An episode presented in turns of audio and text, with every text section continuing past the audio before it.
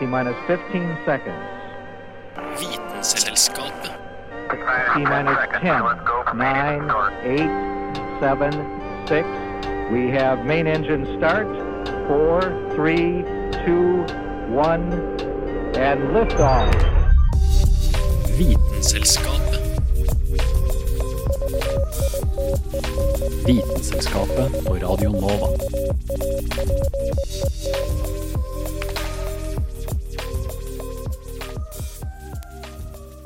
Alle har erfaring med toaletter.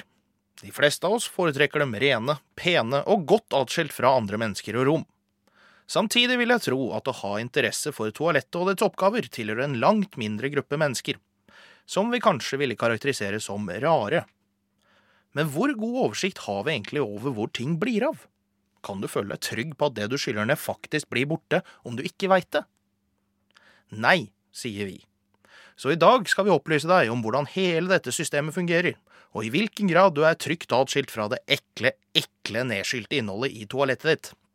Vi tar også en nærmere kikk på hvordan tarmsystemet ditt fungerer, og hva kan triceratopsens avføring fortelle oss om livet dens for millioner av år siden?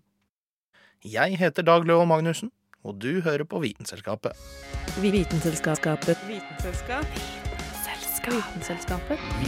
Vitenselskapet. Vitenskapet. Det vi spiser og drikker, skjønner vi jo at må komme ut en eller annen gang.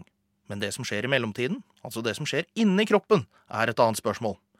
Det lurte også en uortodoks lege på 1800-tallet på, og lot ikke sjansen gå fra seg da han hadde muligheten til å finne det ut. William Beaumont var en amerikansk lege som jobbet i militæret på 1800-tallet. En dag fikk han inn en såret mann som hadde blitt skutt i magen. Folk hadde liten tro på at han skulle bli bedre, eller i det hele tatt overleve denne skaden. Men det gjorde han.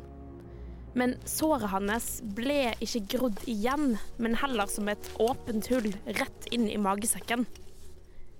Legen så på dette som en mulighet for å forske litt på fordøyelsen til mennesket.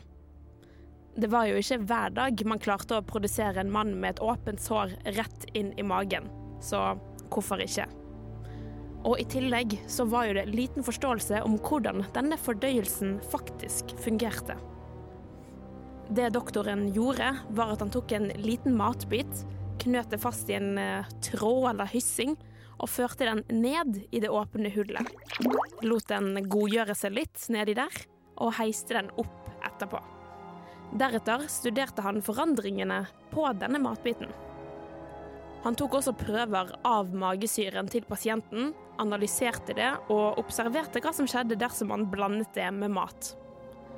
På denne måten så fant han ut at magesyren var med på å fordøye maten, ikke bare i form av å mose eller riste maten i magesekken, men han fant nemlig ut at fordøyelsen var primært en kjemisk prosess, og ikke en mekanisk. Han fant altså ut dette med magesyren.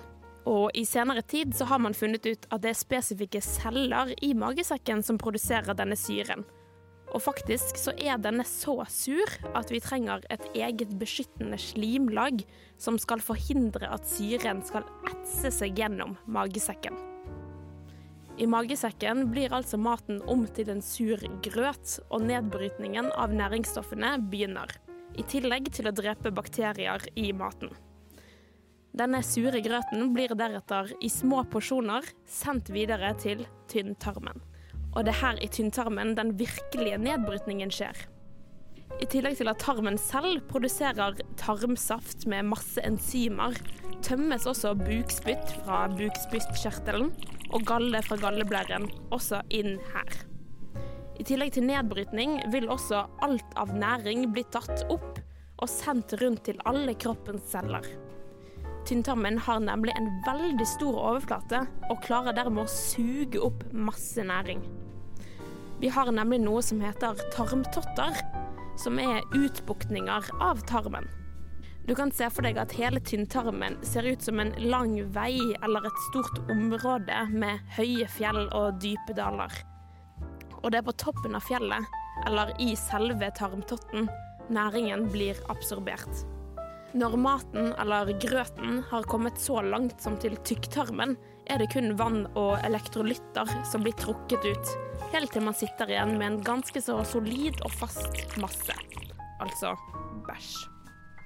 Og som du sikkert vet, skal denne massen presses ut av deg seinere.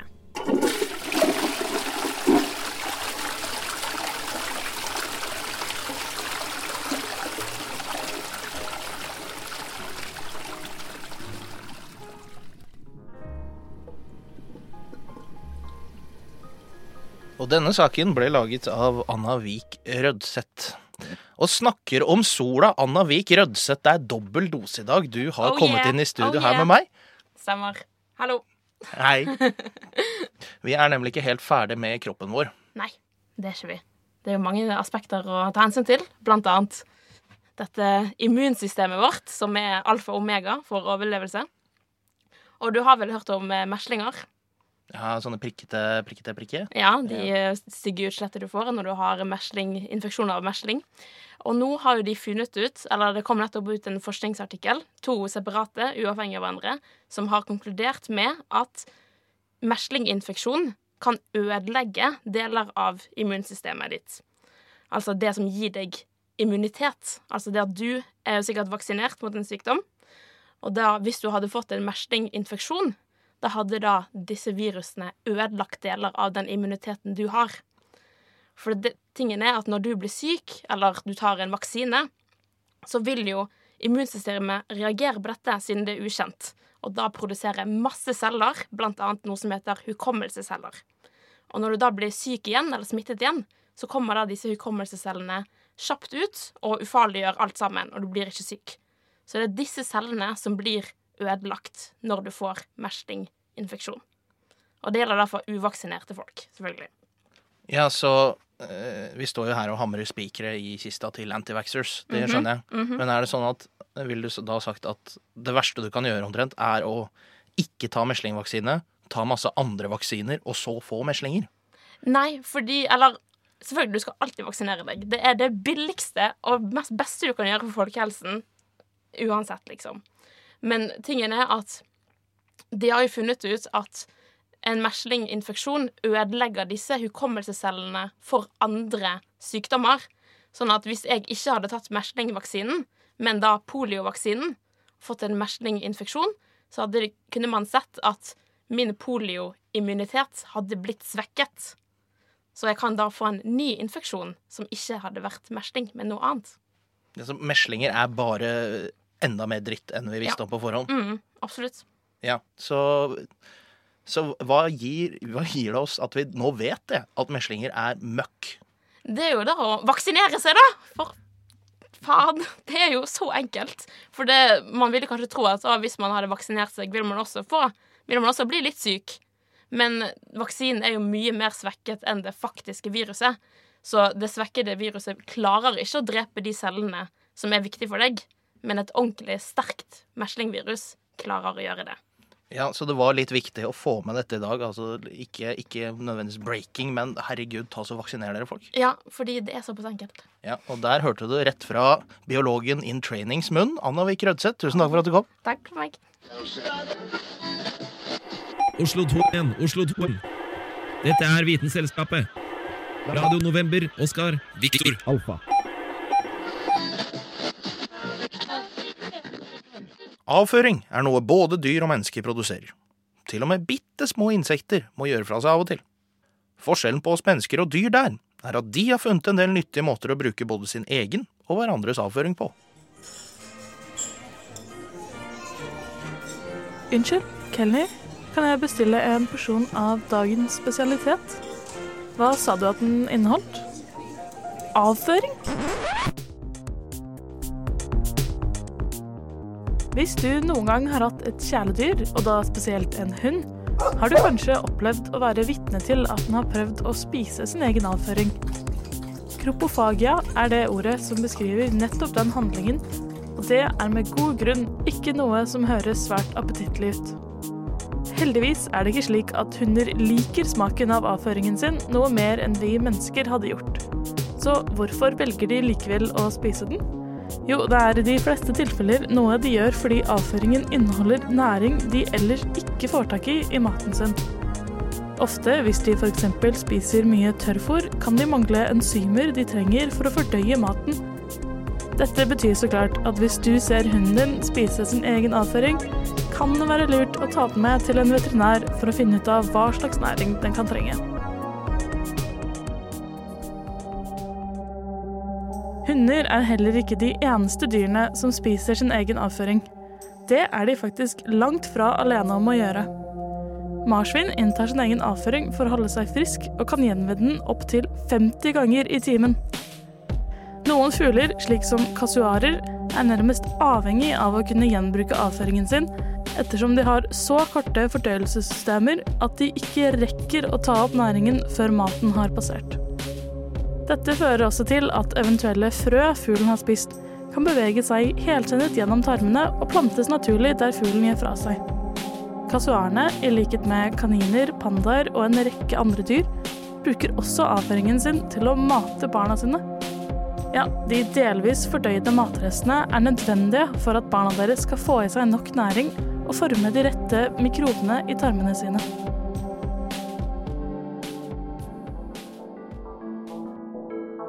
Det er ikke ukjent at vi ofte bruker dyreavføring som gjødsel til planter, men visste du at dette også foregår under vann? For akvatiske planter trenger like mye gjødsel som hagen din, og det får de mest av fra hvaler. Bardehvaler, blåhvaler og knølhvaler spiser massevis med krill, plankton og småfisk hver dag. Krill og plankton er rike i jern og nitrogen, to nødvendige næringsstoffer for livet under vann. Disse stoffene blir ikke tatt opp av hvalen, men isteden sluppet ut igjen gjennom avføringen. Dermed er hvaler utrolig nødvendige for gjødslingen av akvatiske planter, spesielt i Sørishavet, hvor det forekommer lite naturlig jern og nitrogen. Et annet akvatisk dyr som produserer brukbar avføring, er papegøyefisken. Denne fisken bor blant korallrev og lever for det meste av alger. Med sin nebblignende munn klarer den også å skrape bort deler av korallene som den finner algene på. Disse korallbitene blir da med gjennom tarmene til den lille fisken, hvor de blir knust ned til bitte små korn. Dette kalles for bioeresjon. Og det som til slutt kommer ut den andre enden av fisken, jo, det er den fine, hvite sanden du finner på sydlige strender. Papegøyefisken er så flink til å lage denne sanden at hver enkelt fisk produserer omtrent 900 kilo sand hvert år. Selv om noen dyr trygt kan spise sin egen avføring, er det ikke nødvendig eller trygt for oss mennesker å gjøre det, så vi vil absolutt anbefale at du holder deg til et vanlig, sunt kosthold. Denne saken ble laget av Julianne Li Fjell.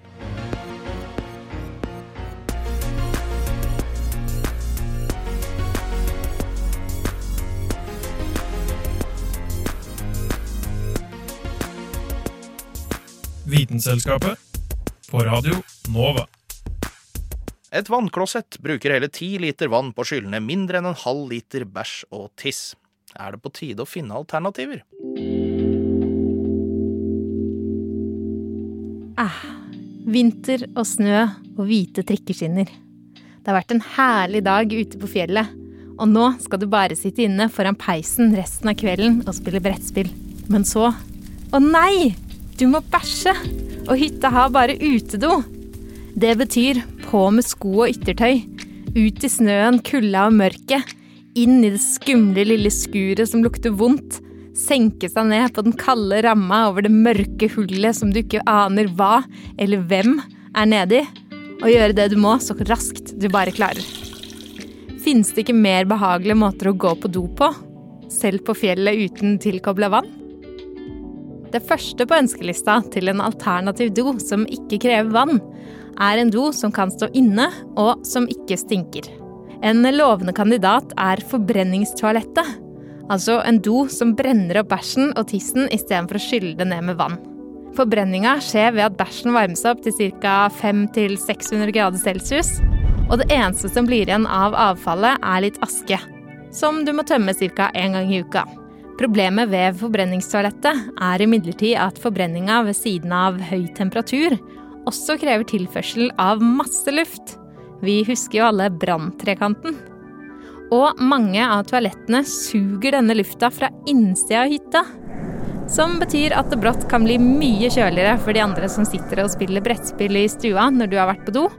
Fordi all den varme lufta suges ned i toalettet, og hytta fylles på med kald luft fra utsida. Med tanke på de høye temperaturene som er involvert, er det vel heller ingen overraskelse at forbrenningstoaletter kan utgjøre en brannfare på hytta. Og dyr hyttestrøm drar de også. Så finnes det noen mindre risikofylte toaletter der ute, som ikke krever vann eller strøm? Et hot alternativ er såkalte biologiske toaletter, eller komposteringsdoer, hvor tisset fordamper og bæsjen brytes ned til ufarlig kompost av mikroorganismer. For at prosessen skal funke uten å stinke, er det viktig at doavfallet verken er for vått eller for tørt, og at det er nok oksygen til blandinga. Hvis det er ubalanse i fuktigheten eller oksygentilførselen, så formerer anaerobe mikroorganismer seg i doen. Altså mikroorganismer som ikke trenger oksygen for å bryte ned masse. Og hvis de anaerobe organismene får ta over, så begynner avfallet å stinke. I motsetning til hvis man lar de aerobe, altså oksygenavhengige, mikroorganismene gjøre jobben. Hvis jeg skal være veldig fordomsfull her, så blir det kanskje litt som å sammenligne de anarobe bakteriene med menn på en offentlig herredo, mens de arobe bakteriene er kvinner på do. De etterlater seg litt mindre lukt. For noen menneskemenn kan en ulempe ved komposteringsdoer forresten være at man bør sitte og tisse, fordi tisset skal treffe oppi en egen tank foran. Tisser man oppi tanken med bæsj, så blir det nemlig fort for vått og dermed stinkete oppi der. Så hvis du planlegger mange fuktige brettspillkvelder på hytta med mannlige deltakere, kan du altså gå i en potensiell luktfelle med komposteringsdoen. En fordel med komposteringsdoen, som den deler med den klassiske utedoen, er imidlertid at avfallet som blir igjen etter at mikroorganismene har spist i vei, er næringsrik jord. Og det er dette som er opphavet til uttrykket 'Gidd lykken vil gro som gresset bak do'.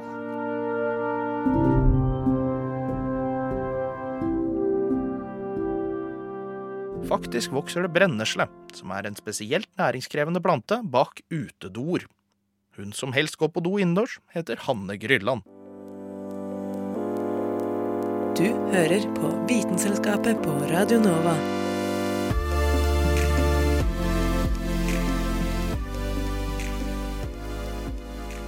Hittil har du kanskje tenkt at denne sendinga her, det er bare rør. Men vi har faktisk ikke kommet inn på røret ennå. For her står nemlig Ida Katrine Vassbotn. Hei! Ja, hei, god dag. Du skal fortelle oss litt om rørtilstanden i Oslo i dag. skal du ikke? Ja, Oslo generelt, egentlig i hele landet, og hvor det står til. Ah, Fordi at, eh, Og vi skal også innom mest vann og drikkevann. da. Fordi at eh, rørene i Oslo eh, kan være så gamle som fra 1800-tallet. Og generelt på, på landsbasis så er rørene eh, sånn mellom 30 og 60 år. Altså de er, vi er veldig gamle rør, da. Og noen av rørene er så gamle noen plasser at de ikke engang vet hvor gamle de er. Uh, og noen plasser så overvåker de også rørene. Det skal vi vite om rørene. Altså de, de er kanskje dritgamle, men de følger med på de, og de skal også se at hvis det skjer noe med de, så skal de vite om det. Og de sender også sånn kamera sånn inn i rørene. Så det, det er greit. Det vet vi om rørene. At, og det har også vært mye i media i det siste om hvor gamle rør vi har. og sånne ekle bilder, som du sikkert har sett. Men så er det det her med rørene. Hva er egentlig problemet med at rørene er gamle? Jo, annet det at eh, fra sånn 20 til 60% av vannet forsvinner underveis. Fra der det kommer fra kilden, og til der det skal til oss. Fordi at de er jo hullete, og de er ødelagt.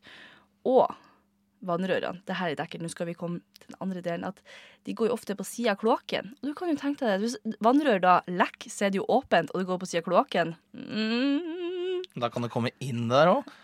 Ja, altså det, du, det har blitt vist en del bilder der det kommer. Det ligger en del mus og rotter og sånt som ligger i drikkevannet ditt. Men sa du virkelig 20 til 60 Ja, noen 60%? kommuner er det så ille som 60. Det er jo de helt krise, da. Men de sier vel at på, på basis er det 20% som, eh, som forsvinner, da.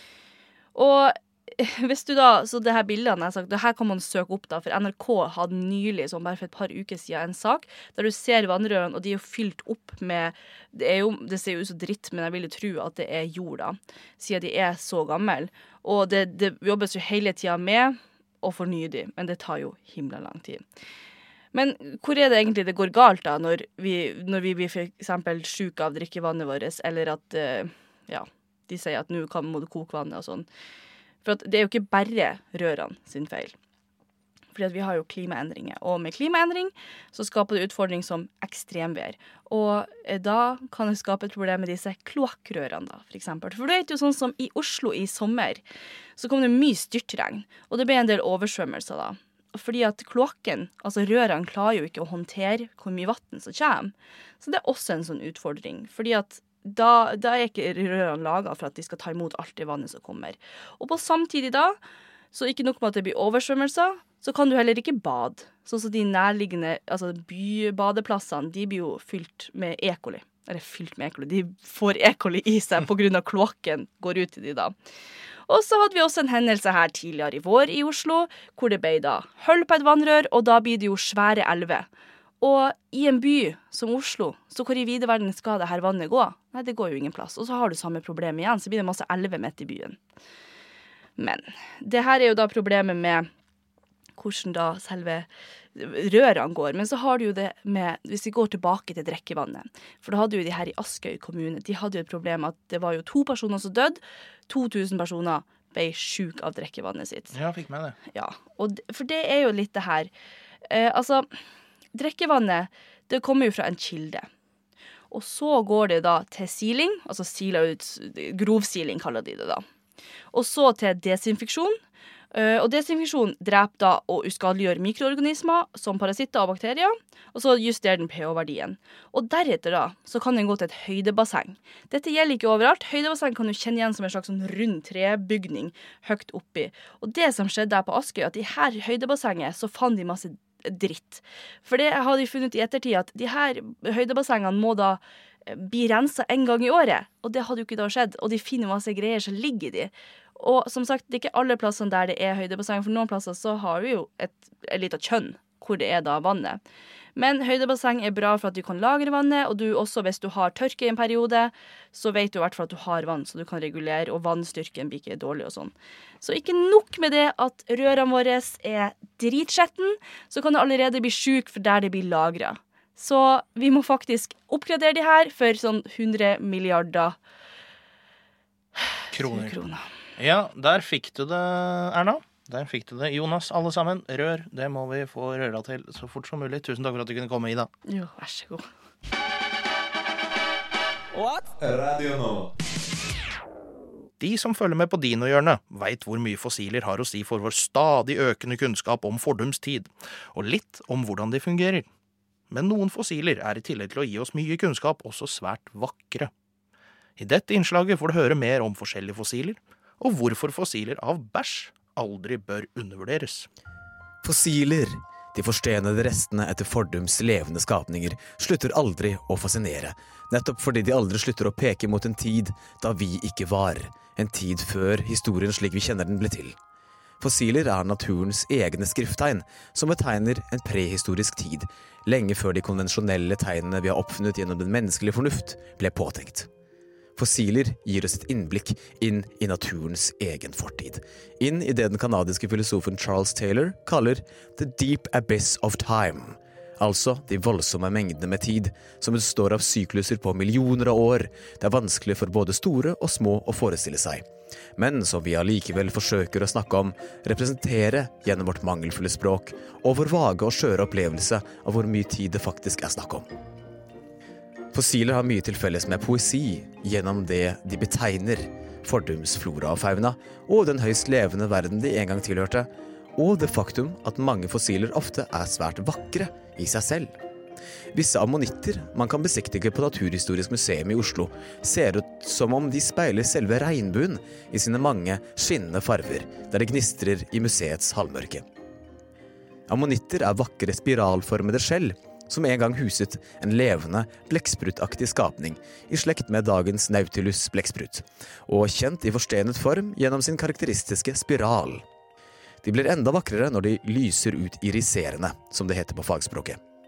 Fossilvitenskapen har gitt oss det biokjemiske svaret på hvorfor det er slik, nemlig at skjellet til ammonitten, som består av perlemor når dyret er i live, i forsteningsprosessen endrer seg til å bli til aragonitt, som er et stoff som, sammen med de andre stoffene i skjellet, er med på å reprodusere regnbuen i en sten.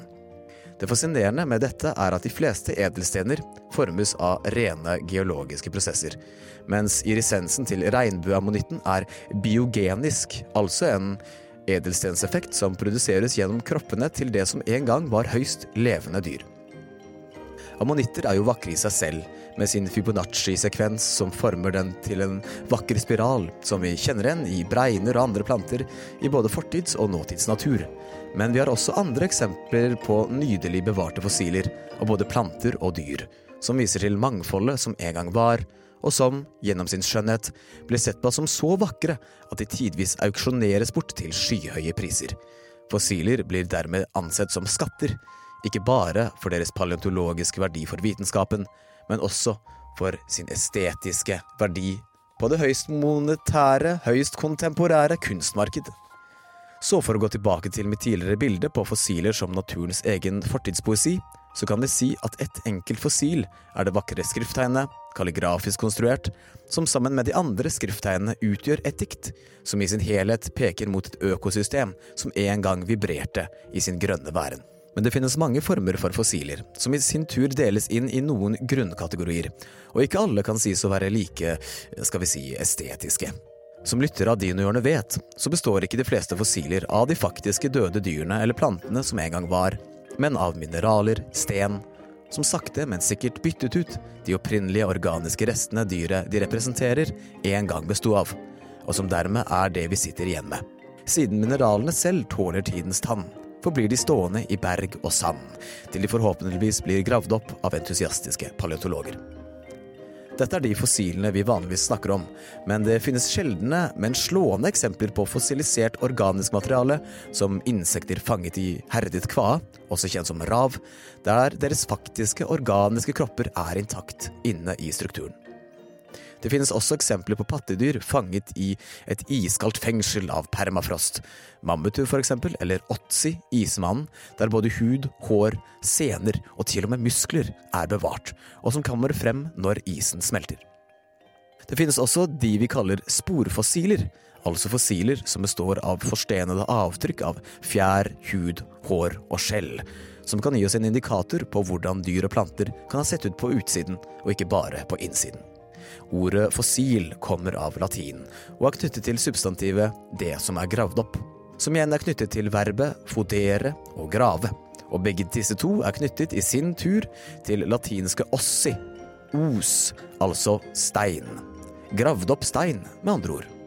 Så det er altså mye som graves opp, og det kanskje mest interessante som graves opp, er intet mindre enn fossilisert bæsj. Forsteinet avføring. Dino poop.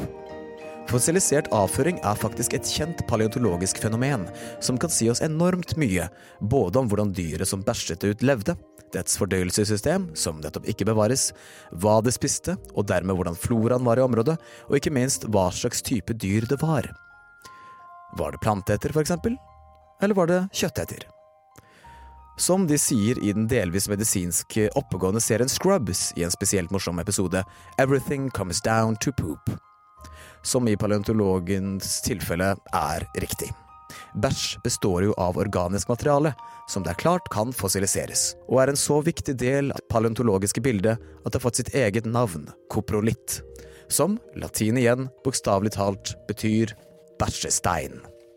For en paleontolog er en bæsjestein den skjønneste blant fossiler, for det utgjør en så viktig del av det øvrige diktet vår prehistorie består av, The Fossil Record of the World, så regnbueammonitten kan ta seg en bolle. Denne saken ble laget av Dag August Schmedling Dramer.